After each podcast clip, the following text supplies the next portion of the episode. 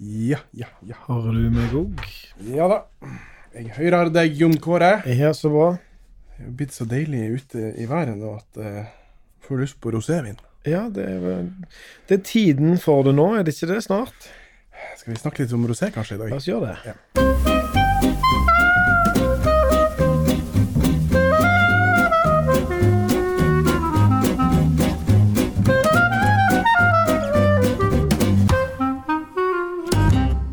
En eh, stor eh, glede og ære å ønske velkommen til nok en episode av Kulturs podkast Vinpodden. Mitt navn er Finn-Erik Rognan.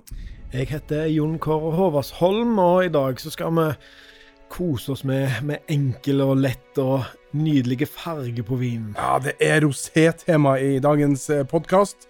Eh, og eh, vi nordmenn er fantastisk glad i rosé. De er en bitte lite liksom, sånn vindu, tidsvindu i løpet av året. Ja, det, det, det er sant, det. Det. For oss har vel roséen blitt en sånn eh, forsommerting. Altså Veldig. rett i overgangen fra vår til sommer, og da er det liksom Da kjøper vi på eh, rosévin for, for vi skal kose oss i det fine været som kommer. Ja. Eh, og det syns jeg er helt greit, faktisk. Um, der er ting som, som er sesongbaserte, og, og det skal vi selvfølgelig ta vare på. Og rosé er knallgodt da, det syns Mm. jeg òg. Der går an å drikke rosé resten av året òg, Ja. eh, så ikke ta og legg det helt vekk. Eh, du- av og til kan det være kjempegodt med en rosé, uansett om det er iskaldt eller eh, steikende varm, eller regner f.eks. på høsten. Men det er jo kjempegodt da, om eh, i rundt juni og tidlig juni og så Ja. seg en rosé. Altså sånn eh, I fjor, 2018, så var mai måned helt sånn gale-Mathias for, eh, for salg av, eh, av uh, rosévin. Eh, men hvis du har litt sånn uh, uh, eh, basiskunnskap om rosévin Det er kanskje eh, ikke alle som eh, vet hva er egentlig eh, en rosévin? Ja, altså, det, det går jo bare rett og slett på fargen. Mm, det gjør det. Eh, og, og det er ikke noe mer enn det. Men um, det er jo litt fascinerende eh, og når man gjorde litt sånn research på, eh, til denne podkasten, så lærer jeg litt om mer om bakgrunnen til rosé. Men, men sånn, hvis vi tar litt sånn generelt først, da For at eh, jeg tror jo veldig mange har et forhold til rosévin. Mm. Um, og det har jo vært en relativt populær vin nå i det siste. Roséviner blir ofte litt søte, så de er veldig lette å like. Veldig ofte er det en av de første vinene en, en begynner å drikke. Mm. Um, den er veldig sånn kompatibel. Det er veldig lett å ha eh, til mye forskjellige matretter. Uh, selv om altså, Farfaren min han var stuart, uh, og han uh, sa at når folk ikke visste helt hva de skulle ha til maten, så anbefalte han bare å ta en, ta en rosé. Det går liksom til det beste. Jeg vet ikke om jeg er helt enig med han i det, men eh, gode gamle farfar eh, hadde nok et poeng og jeg tror han bare ville gjøre det enkelt for folk. Ja. Han anbefalte rosé. Du, nå skal jeg vise deg et bilde her. Jeg holder opp uh, Vinmonopolets nettside. Du, har du kjensel på den flaska der? Det ser ut som Matteus. Ja, det er Ja. Matteus. Dette her er, det er Matteus. Det er altså en, en perlende slags rosévin fra Portugal. Yeah. Koster 100 kroner blankt. Ja. Eh, og det er min, eh, en av mine første sånn, en, eh, vinminner, for det drakk min mor. Ja. Når, det, når det dro på mot, eh, mot sommer, og jeg tror gjennom hele sommeren, så kom det Matteus på bordet. Veldig sånn karakteristisk, en sånn flat Mm, Fin flaske. Ja, fin flaske. Ja, ja. Men det, det, du har helt rett. Og, og den, den Matteus Selv om den har kanskje et litt sånn dårlig rykte nå blant eh, oss vinsnobber, så, så redder den på mange måter mye av den portugisiske vinindustrien etter krigen. Mm. Eh, den ble meget populær i England og USA, og de solgte i ikke akkurat bøtter og spann, men, men i tønnevis og eh, til disse veldig viktige eh, markedene. Så det skal vi ikke se vekk ifra at det, hvor utrolig viktig det er å ha noe du kan selge som du kan bygge opp kapital, og så da lage andre ting til. Så, så Matteus, ja. Det er kanskje ikke den første roséen jeg, jeg, jeg tar fram når jeg skal med rosé, men, men den har vært utrolig viktig for et av de viktigste og beste vinområdene i verden, nemlig Portugal. eh, før vi hopper inn eh, Jeg er spent på om du har litt eh, historikk til, eh, eh, rundt rosévin. Men før vi hopper inn Mm. eh, i, i det, så tenkte jeg at vi skulle si litt om det vi begynte på. Liksom, hva er egentlig en rosévin Mm. for noe? For eksempel, folk kjenner jo hvitvin og kjenner rødvin, og så kan du sikkert spørre ti på gata hvordan lager man en, en rosévin, og det kan man jo fort bli svar skyldig på. Ja. Eh, men altså, en, en rosévin er altså en blanding mellom en, eh, noe midt imellom en hvitvin og en rødvin. Mm.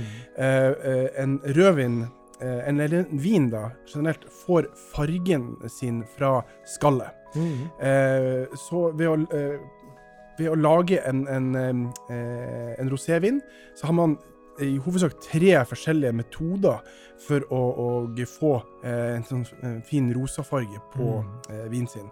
Det ene er, en, eh, det er rett og slett en blending. At man blander rødvin Ja. og, og hvitvin. Det ser vi jo ned på. Ja, det ser vi ned på. Og det er faktisk i, i Frankrike så er det forbudt ved lov. Ja. Bortsett fra i champagne. Ja.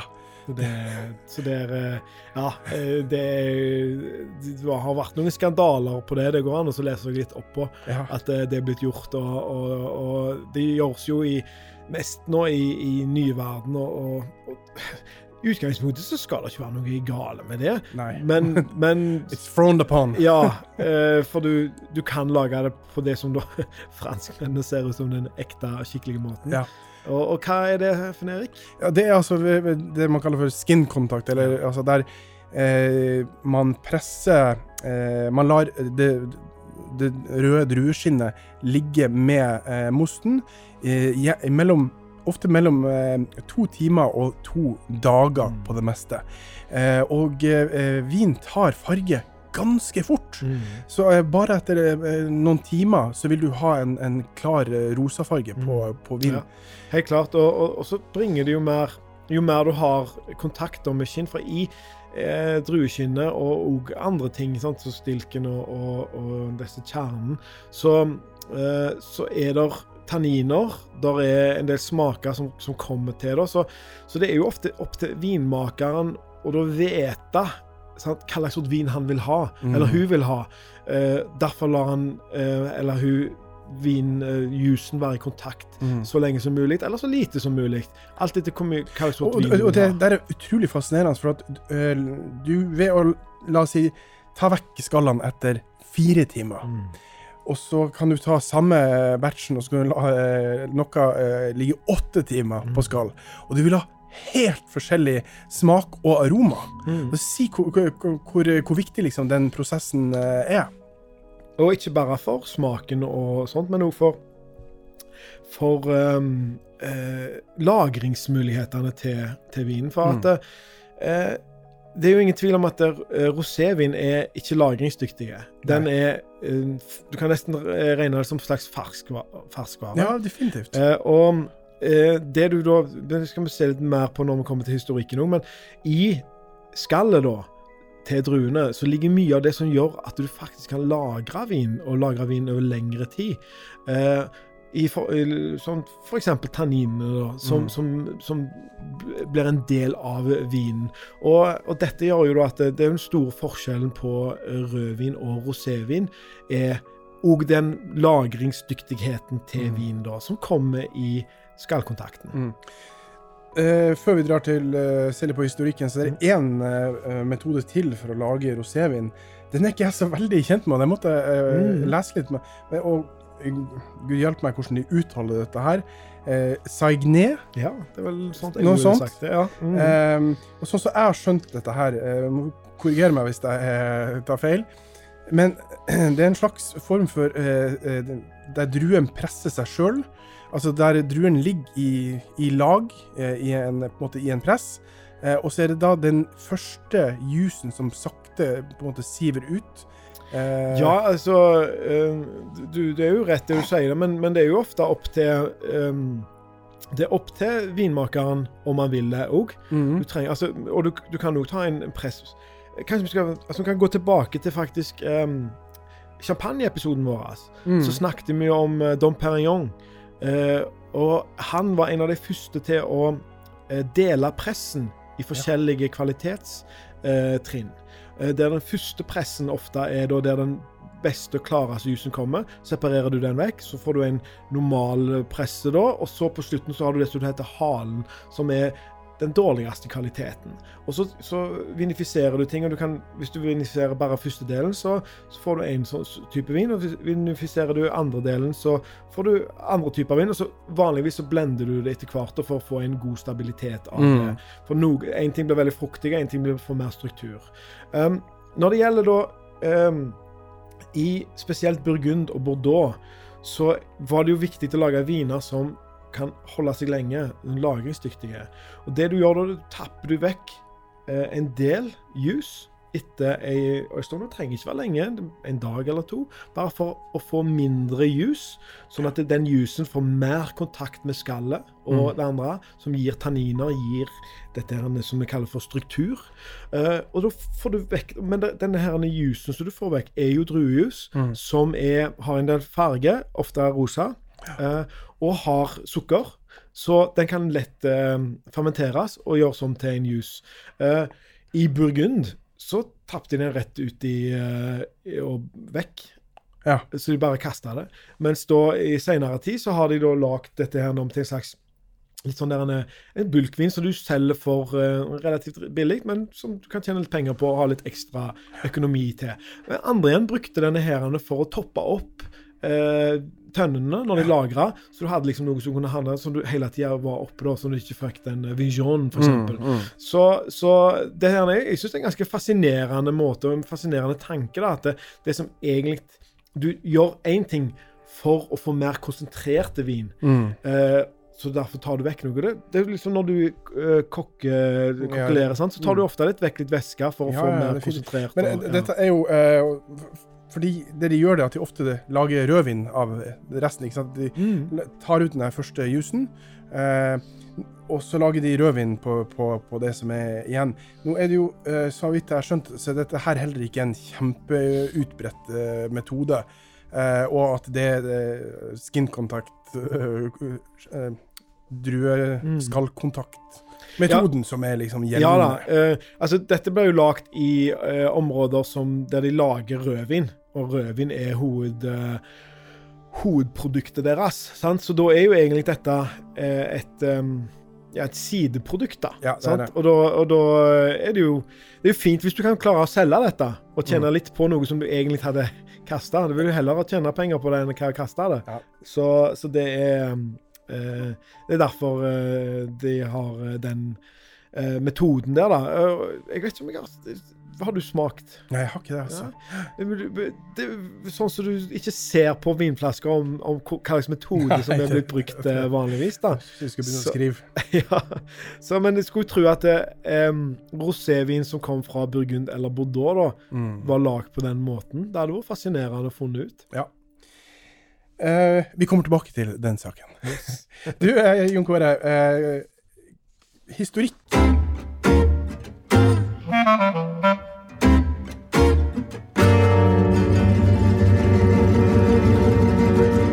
litt sånn Det er jo ikke noe sånn ren historikk på rosévin, egentlig.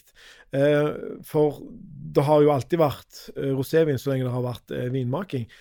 Ikke vinmaking, eller ja, folk har lagd vin. Du, du kan si vinmaking. men det som de tror, da, er at de første vinene som romerne og grekerne lagde, var faktisk mer rosé enn de var rødvin, sånn som vi kjenner dem. Hvorfor tror de det? Jo, de vinene de lagde på den tida der, var relativt ferske. De um, der er nedskrevne i uh, bøker da, fra den tida, sånn romerske og spesielt da, for de var jo veldig flinke til faktisk å, å nedtegne sånne ting, eh, at eh, de, de, når de lar vin være i, eh, druene være i kontakt med jusen lenge, så fikk den mer, altså, en, en, en, mer sånn de, de, kaller det harsk, men det, det, er jo mer en strukturert uh, smak, da. Uh, og det ville de ikke ha. Det var en dårlig, det var egentlig tegn på en, en dårlig vin. Så, så det, det, de ville da, og det er jo det som jo Dom Perignon gjorde. Mm. Altså, allerede romerne visste at du fikk en presse så den første delen var bedre enn den neste. Mm. Men dette gikk jo tapt etter at romerne uh, Romerriket gikk unna på sånn rundt 500 et, etter Kristus. Så, så, så for romerne så var det sånn å skille ut den beste jusen, og så lage vin av den. Og den beste jusen ble ofte rosa. Mm. Eh, og så begynte jo faktisk romerne òg å eksperimentere, for de skulle sende denne vinen til langt av gårde, og i stort eh, Romerrike. Så de ville, skulle jo til England, det skulle til Nord-Frankrike, det skulle til Spania og osv. Så, videre. så så da eh, begynte de allerede da å eksperimentere med hvordan de kunne lage vin som kunne holde seg over lengre perioder. Og i, eh, jeg tror det er i boka Satyricon så blir en vin, en årgang, beskrevet som en veldig god årgang, og at de som drikker den i boka, da er den allerede 100 år. Yes. Så, så det, allerede romerne hadde dette her med det. Så da tror, tror de at det, det, er på den tida at du får en rødere vin enn en rosévin. For den første vinen var nok mer rosé enn den var rød, sånn som vi kjenner rødvin i dag. Um, og så er det jo dette med Jeg vet ikke om du eh, leste om dette, men det er jo nesten all juice eh, altså Alt kjøttet til, til, druene er jo hvitt. Mm. Og så er det noen eh, druer som har eh, eh, rød, rødt kjøtt. Mm. Eh, og de Det går det òg an å lage um, um, eh, vin av. Og Ja. den blir gjerne litt rosa. Men det er, det er veldig sjeldent at det, det er det bare noen få eh, vindruer som, som har det, da. Så, så, så stort sett så er også blå vindruer har hvitt kjøtt. Ja, sant? Og, og da er det Opp gjennom tida så har det jo vært da at du, du lager dette her, denne vinen eh, Det som har gjort at vi har rosé, og det som har gjort at vi har rødvin, er egentlig markedet. For at fram da, Den første sånn store forandringen i, um, i, markedet når det gjelder dette, det er jo at det, en ting er jo viktig, at det er lettere å komme seg eh, rundt omkring. sant? Romerne bygger veier, du får bedre båter. Eh, og så er det da hvordan er kongerikene rundt omkring her. Og Mm. når England begynner å bli store, og legger under seg spesielt Bordeaux, men òg eh, eh, områdene rundt Anjou og, og Loiredalen, så får du et, sånt, eh, et, et kongerike der, der de sender vinen til ehm, til London. Og London blir faktisk en av de viktigste byene i ehm, vin. eh, vin sånn generelt for Mm. vin, men for salg av vin, da. Sant? Ja. Meg og deg har jo begge vært i London på Berry Brothers and Rudd, Ja. som er en vinbutikk som har aner tilbake til 1697, Ja. I samme lokale. i samme lokale. Fantastisk Og- sted. Men det som skjer nå, det er at det, den Bordeaux-vinen, Clariton, som de kaller den i England, den blir mer og mer dominerende. Og den eh, er en, på grunn av at den skal lagres lengre, og den skal reise lengre, så blir den lagra mer på druene, og da blir den mer og mer rød. Og da går den generelle vinmakingen mot eh, mer rød vin, altså sånn som vi Mm. kjenner det i dag. Mens da rosévinen blir et mer et lokalt produkt. Ja. Um, for det er mer en ferskvare. Så, så det har egentlig eh, vært um, den um, historikken nå til at eh, rosévin er noe som du får lokalt, og så er eh, rødvin noe som blir sendt rundt omkring Mm. til hele verden. Og sammen med hvitvin, selvfølgelig. Eh, og så kommer vi til eh, andre verdenskrig, og du har jo vært inne på det. Matteus blir en utrolig viktig vin i, eh, i verdenssammenheng pga. At den redder litt sånn salget av portugisisk vin. Blir veldig populære, lettdrikkelige. Blir veldig populær i de viktige markedene. Så da holder den, da kommer liksom litt rosé inn igjen. Samtidig så er det en, en slags lavkvalitetsvin, da. Så det, så det, det får på mange måter rosévin et, et slags rykte som en sånn ja, noe sånt som du ikke drikker Det har ikke sånn høy eh, status da blant eh, vinkjennere. Så, så det gjør at eh, at uh, rosévin har alltid liksom blitt sett på som en sånn uh, en sånn ste, stebror, stesøster, til, til det, det som er den ekte sånn, toppvinene som er hvite og som er, er rød. Og så er det jo liksom morsomt med sånne tilfeldigheter. Um, for i California så lager de òg roséer, og da, da var det med en tilfeldig en som heter Bob eh, Trinchero, som, eh, som lagde en, en, en rosa vin som man kaller for blush wines. Ja. Har du smakt det? Jeg tror ikke det. Jeg har hørt om det. Så jeg har bare, jeg har bare hørt og Det er på Sinfandel, eh, sant? som jo vi har alle drukket. Det heter Sinfandel i California og Primitivo i Italia. Det er italienske druer. Eh, og, men tilfeldigvis så lagde han eh, De hadde samme problemet som Vet ikke om du husker tilbake til champagne eh, podden. Der, en av grunnene til at det, at det kom champagne, ble champagne, var at det, det ble kaldt på vinteren, og så slutta Jæren å produsere alkohol. Mm. Og så når det ble varmt igjen, så begynte den igjen, og da hadde de korka vinen, og så fikk de en sånn andregangs fermentering i, um, i eh, vinflaskene. Det samme skjedde med den her, at den, den ble ikke fermentert uskikkelig, så det var litt sånn restsødme igjen, og så ble den litt rosa. Uh, og så ble det en, uh, en old grade wine, så bestemte han seg for å selge den vinen allikevel.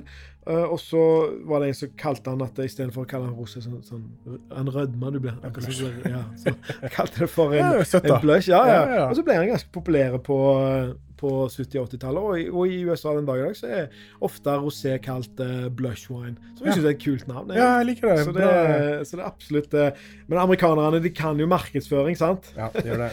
Så, eh, så de, det var de som eh, har tatt det et steg videre. Da. Men som, som det, jeg kan ikke huske å ha sett noen blush wines i Nei. Norge. Der er det rosé som er, er det viktige. Og hvis jeg spør deg, da, i neste gang Hvor kommer rosévinene som du drikker, hvor kommer de fra? Frankrike.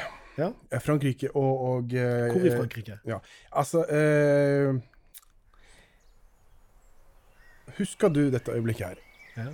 Vi sitter eh, i eh, Det er et unikt område som ligger ned mot Middelhavet eh, i Frankrike. Eh, ikke så langt unna Avignon Ja. eh, og Montpellier. Mm. Eh, og det Ikke den nakenstranda nå? Nei, det var ikke Jeg følte ikke det var innafor å ta den opp nå. Vi satt eh, Kom ned det, det, Husker du hvilket område? Ja, det er Camargue. Camargue. Ja. Ja. Eh, og så husker jeg da vi, vi kom ned dit Dette er et så utrolig merkelig sånn deltaområde. Mm.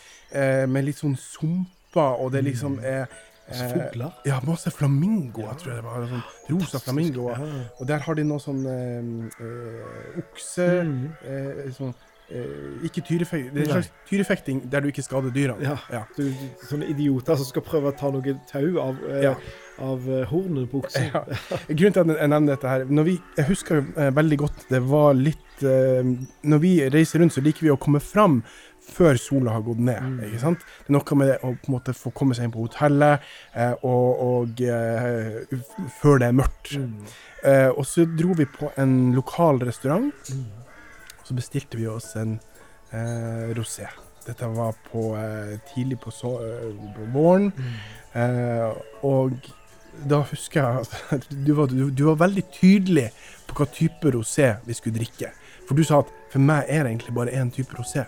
Du var veldig sånn det, Den typen rosé, og den var fra Provence. Ja. Ja.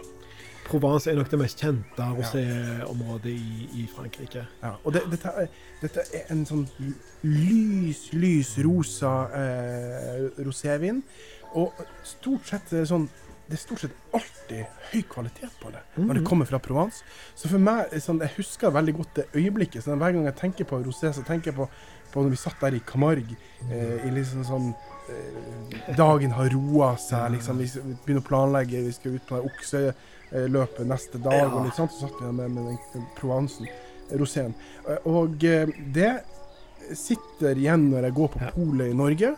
Eh, så er det stort sett det jeg, jeg kjøper. Ja, Altså. jeg, er- jeg er helt enig med deg. Eh, Provence eh, har noen fantastiske roséviner. Og, og det er litt sånn Provence som vinområde har jo mye vin der, og, og det er jo et godt område. Men har liksom ikke den der berømtheten som f.eks. Råndalen, som ligger jo rett i nærheten, Mm. rett nord for Provence. Du har jo over grensa så kommer du rett inn i Piemonte eh, i Italia, og lenger nord så har du jo eh, Burgundien. Så, Ja. så, så det er liksom det, det er litt sånn litt utenfor all Ja. eh, den viktige, de viktige vinene da, Mm. eh, i Provence. Så det virker som de har liksom fått for seg at OK, så tar vi og konsentrerer oss om rosé. Ja. Og så er det jo det Maten i det området er jo litt sånn Det er mye fisk, Mm. sant? Det er mye urter og, og lavendel og litt sånn der som, som påvirker eh, vinen og smaken, sant? Så så rosévin passer veldig godt til maten som, Ja, som du får det. i det området der. Og så er det noe med eh, Sånn som sier vi at Når drakk du sist en knakende god rødvin fra Provence? Eller hvitvin for den saks skyld, så det som kommer fra Provence, er, eh, er god rosévin. Ja, det er akkurat som, ikke sant? Men de er nå flinke, disse eh, vinbøndene i Frankrike, til å si at hva er det som er, vi er bra på lokalt. Ja. Ikke sant? For eksempel Beaujolais. Ikke sant? Ja. Det er ferskvin, og det vet vi. Og, og Bordeaux, OK, det er vin til biff, det er tung rødvin. Ikke sant? Sånn at, ehm, og det, så- det har de klart med bravur i Provence. Og i dag så regnes jo eh, rosévin eh, Verdens beste rosévin kommer fra Provence. Ja. Det er på en måte opplest og, og vedtatt. Mm. Ehm, eh, det er liksom høyest og jevnest kvalitet. Mm. Eh, og så er det et, et sånn godt tips til folk. Eh, du sa det i stad. Eh, rosévin er ferskvare, Mm. eh, med noen få unntak. Så det, den rosévin eh, dere skal drikke nå i 2019, det skal være årgang 2018. Ja, Og, og sjekk nå for, for, for, for guds skyld dette her når dere er i butikken. For at det er ofte, særlig i starten, eh, særlig nå eh, når rosévinsalget starter, så har de ofte en del stående, og da har de lyst til å få det ut først. Styr unna 2017 eller 2016.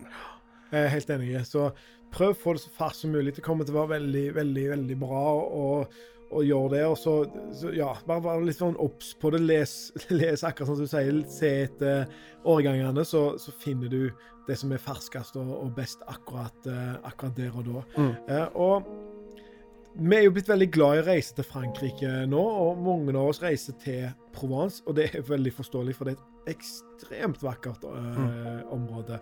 Eh, og du har jo, du har jo en, en Côte d'Azur rett, Mhm. rett der. Sant? Men er dere der nede eh, Først og fremst kjøp lokalt, og selvfølgelig. Men ta dere en tur òg. En dagstur inn. Finn Spør eh, turistinformasjon. De, de vet alt der om det. Gå på besøk på en eh, vingård, Mm. så kjøper du rosévin av vingården. Det koster mindre. Du, pengene du betaler, går rett til bonden.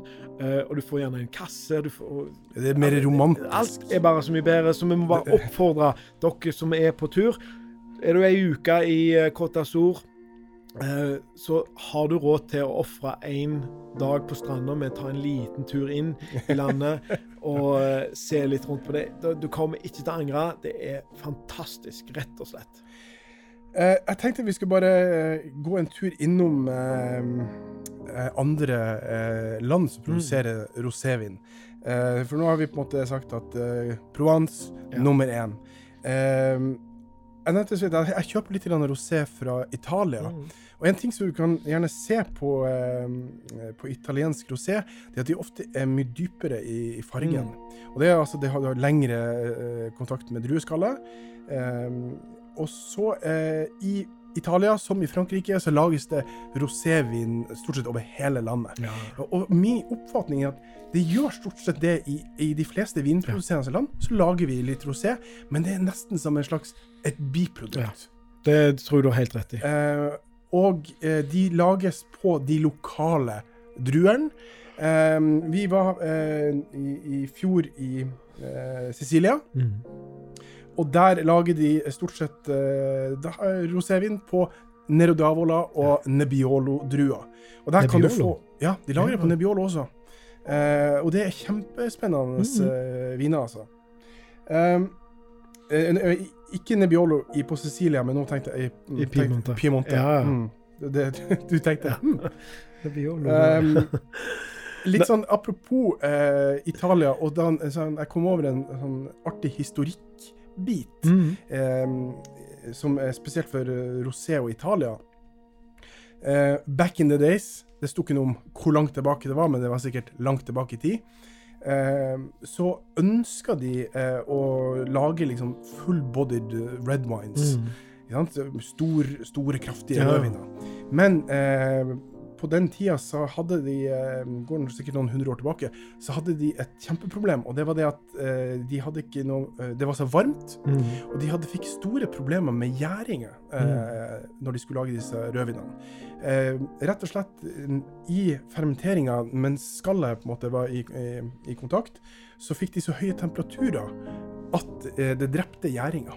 Og, Ja, og, ja, og da fikk de på en måte ødelagte eh, batcher med vin. Så det som ble eh, løsninga deres, det var det at de eh, pressa eh, vin ganske tidlig. etter det, eh, en dag eller to.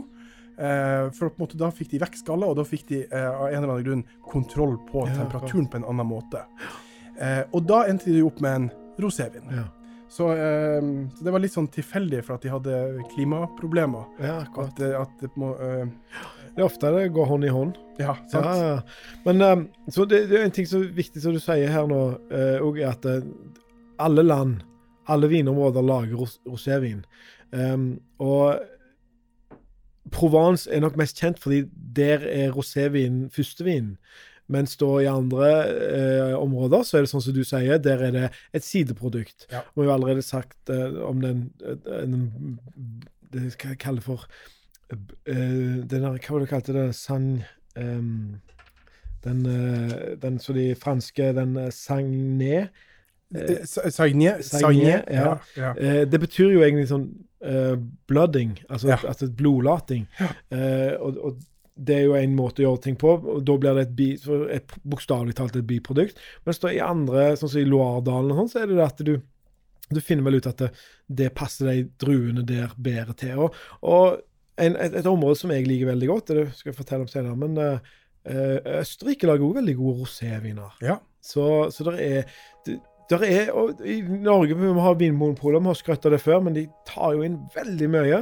Du får mye sjansen til å smake mye godt, altså. Men det, en annen ting som jeg vil oppfordre folk, det er når du, det beste te- eh, måten å smake god rosévin, det er når du er på ferie. Ja. Da og finne ut hva er lokale vinene, for da får du de ferskest mulig. Og en rosévin, det er best når den er fersk. Ja, det er det. Um, hopper kjapt tilbake til Frankrike. Mm. Bare for å se litt på, på De lager jo rosévin over hele landet, men eh, det er noen um, områder i tillegg til Provence som, som skiller seg ut.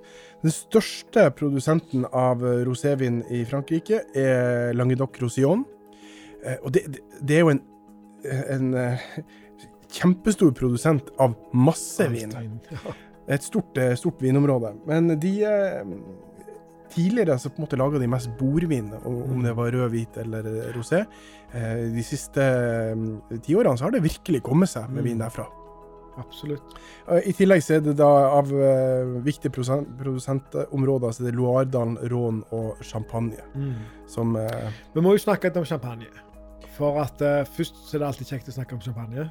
Så ja. det, men de er jo den eneste som faktisk uh, blander uh, rødvin i for å få rosévin. Og rosa champagne er jo Det er jo noe eget. Mm. Um, som som jeg kan være helt fantastisk godt. Ja. Eh, men det har jo fått en symbolverdi eh, som går utover det rosévin egentlig er. Mm. Det er jo da fordi sant, Akkurat på samme måten som at eh, du skal ha champagne og østers sant, når du skal ha, være sammen med dama di, Mm. så skal du gjerne òg ha en rosa champagne når du frir.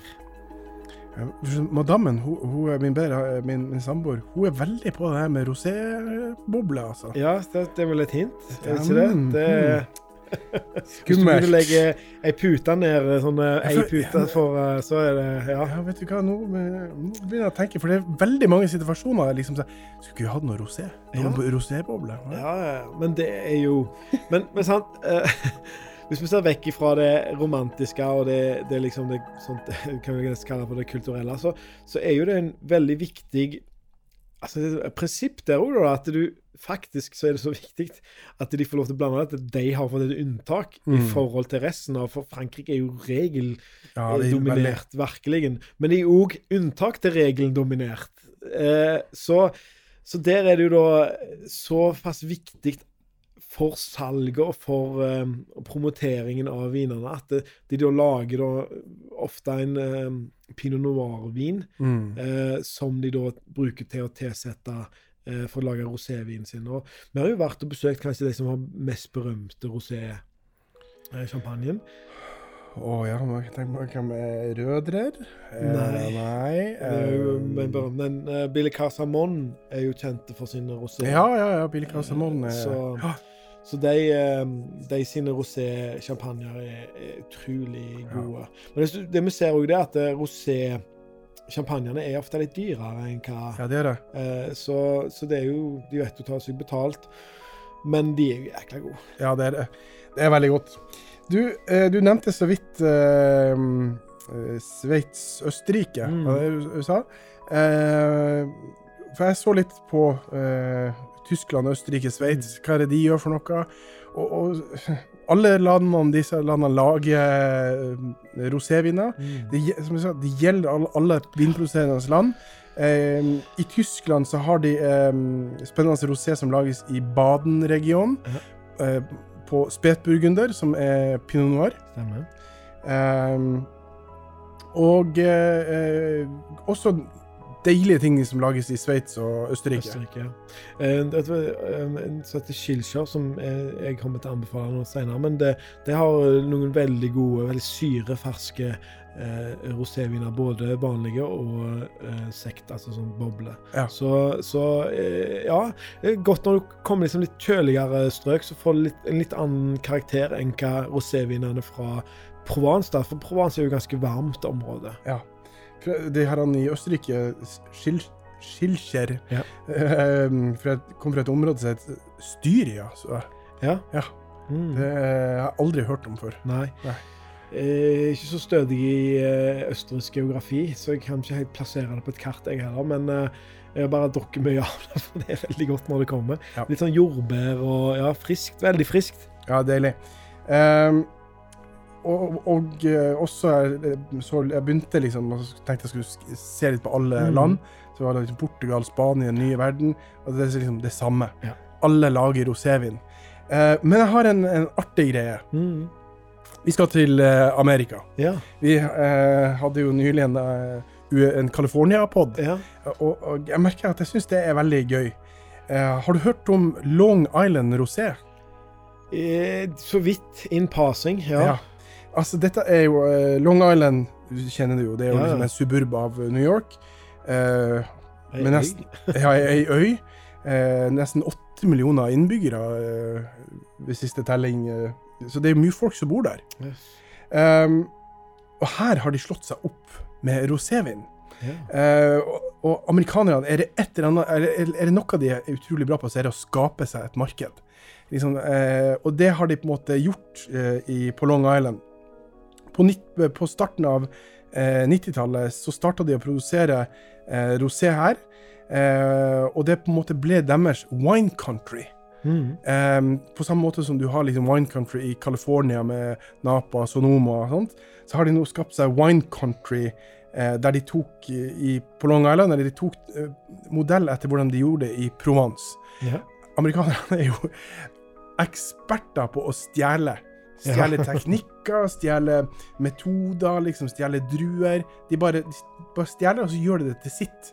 Ferdig med det. Ja. Um, dette vinområdet her er ganske svært. Eh, består av sånn rundt regna 60 vingårder eh, som produserer masse forskjellige stiler. Ehm, og den ligger på den, den hele, eh, på den østlige sida av Long Island. Okay. Så ehm, Aldri smakt det. Nei. Men uh, når jeg liksom kom over og tenkte jeg noterte meg ja, Ja. det er gøy. å se for meg de liksom Det er jo kort vei til Hamptons, ikke Ja, sant? Og sånt. ja, Ja, ja, Long ser- Island Rosé. ja, jeg ser for meg at det er noen sånn som dyre Disse her rike New Yorkerne eh, drikker.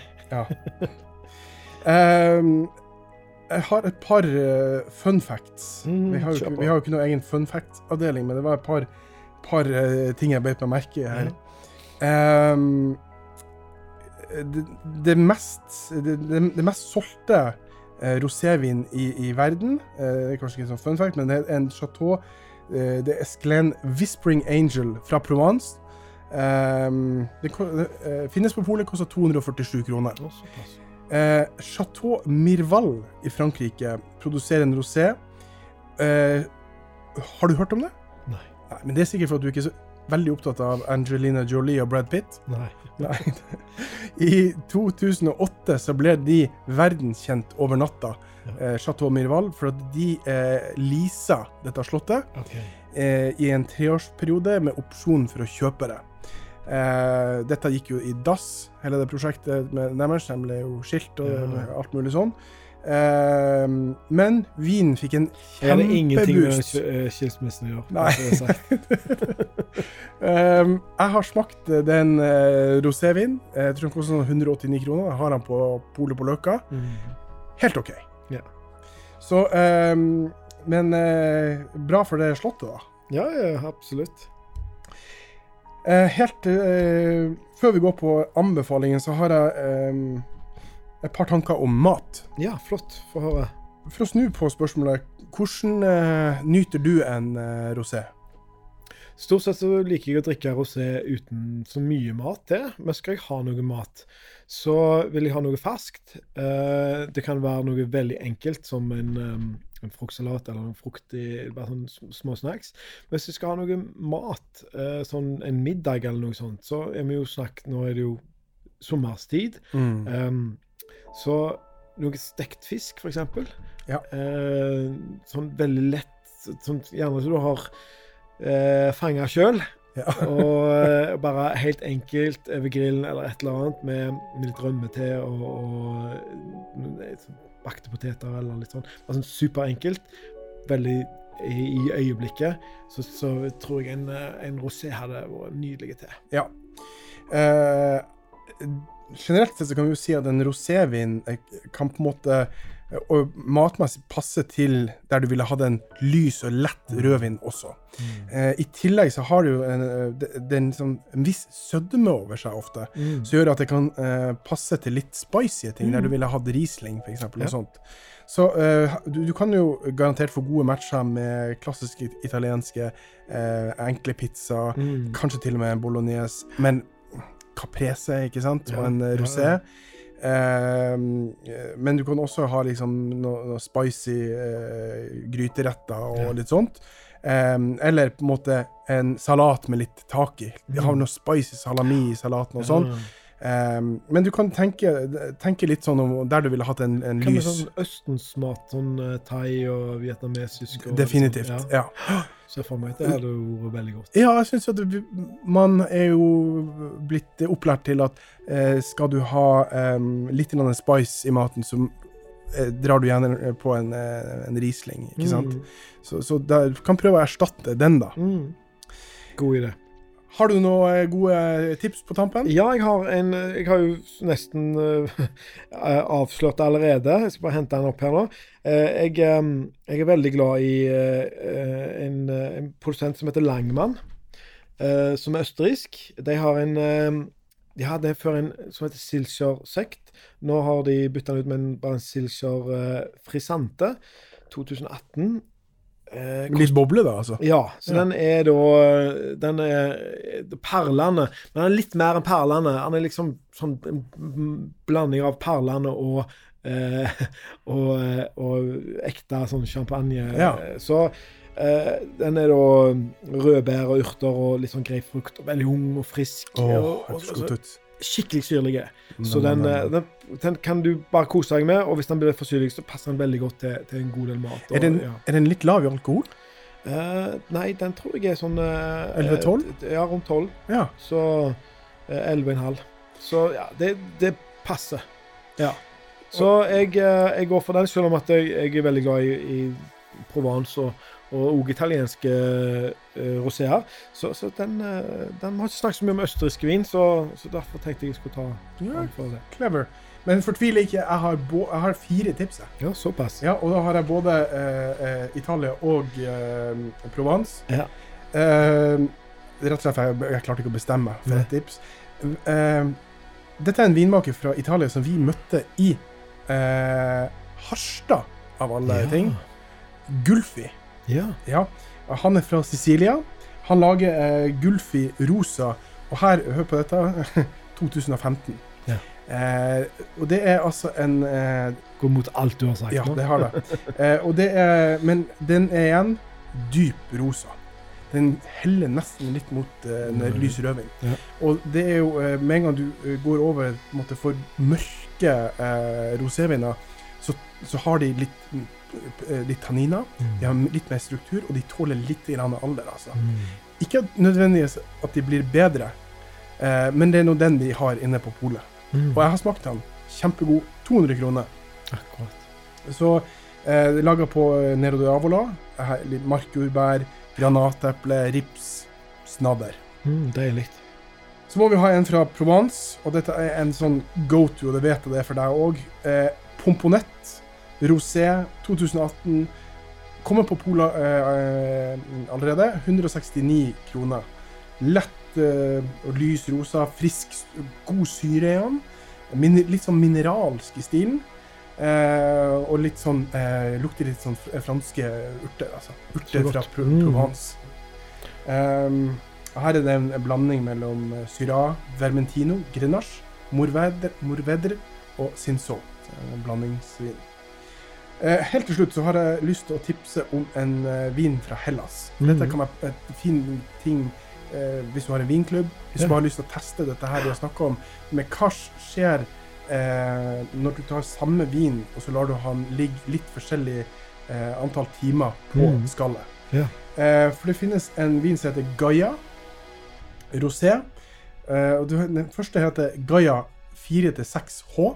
Mm. Og den andre heter Gaia 14-18H. Stilig. Som da eh, indikerer eh, da selvfølgelig eh, hvor lenge det har ligget på drueskallet. Begge vinene koster 180 kroner. Begge er på eh, en drue på eh, eh, gresk, holdt jeg på å si, som jeg ikke tror jeg klarer å uttale. Eh, Agigriktio. Naila den. Ja, ja. 100 Men Poenget er at begge vinene er på samme, har samme forutsetninger. Ja. ikke sant? Spennende. og og uh, jeg så på duft- og smakskartet her. Det er veldig forskjellig. Ja. Sånn at uh, 180 kroner for begge to. Prøv. ja, det er veldig spennende. Kult. Men da uh, tenker jeg at vi eh, Jeg fikk litt lyst på den der skilkjerre... Ja, jeg fikk lyst til å teste den der er på, to, på de to forskjellige tidene. Den greske. Det hørtes veldig kult Ja, det er gøy. Hella- Hellas eh, må vi ta en podd om en Ja, vi må gjøre det. Lage gode ting, Eh, altså. Aller helst må vi reise ned der. Jeg kan ikke gjøre det Ja, først. la oss gjøre det. OK, snakkes neste uke. sa det.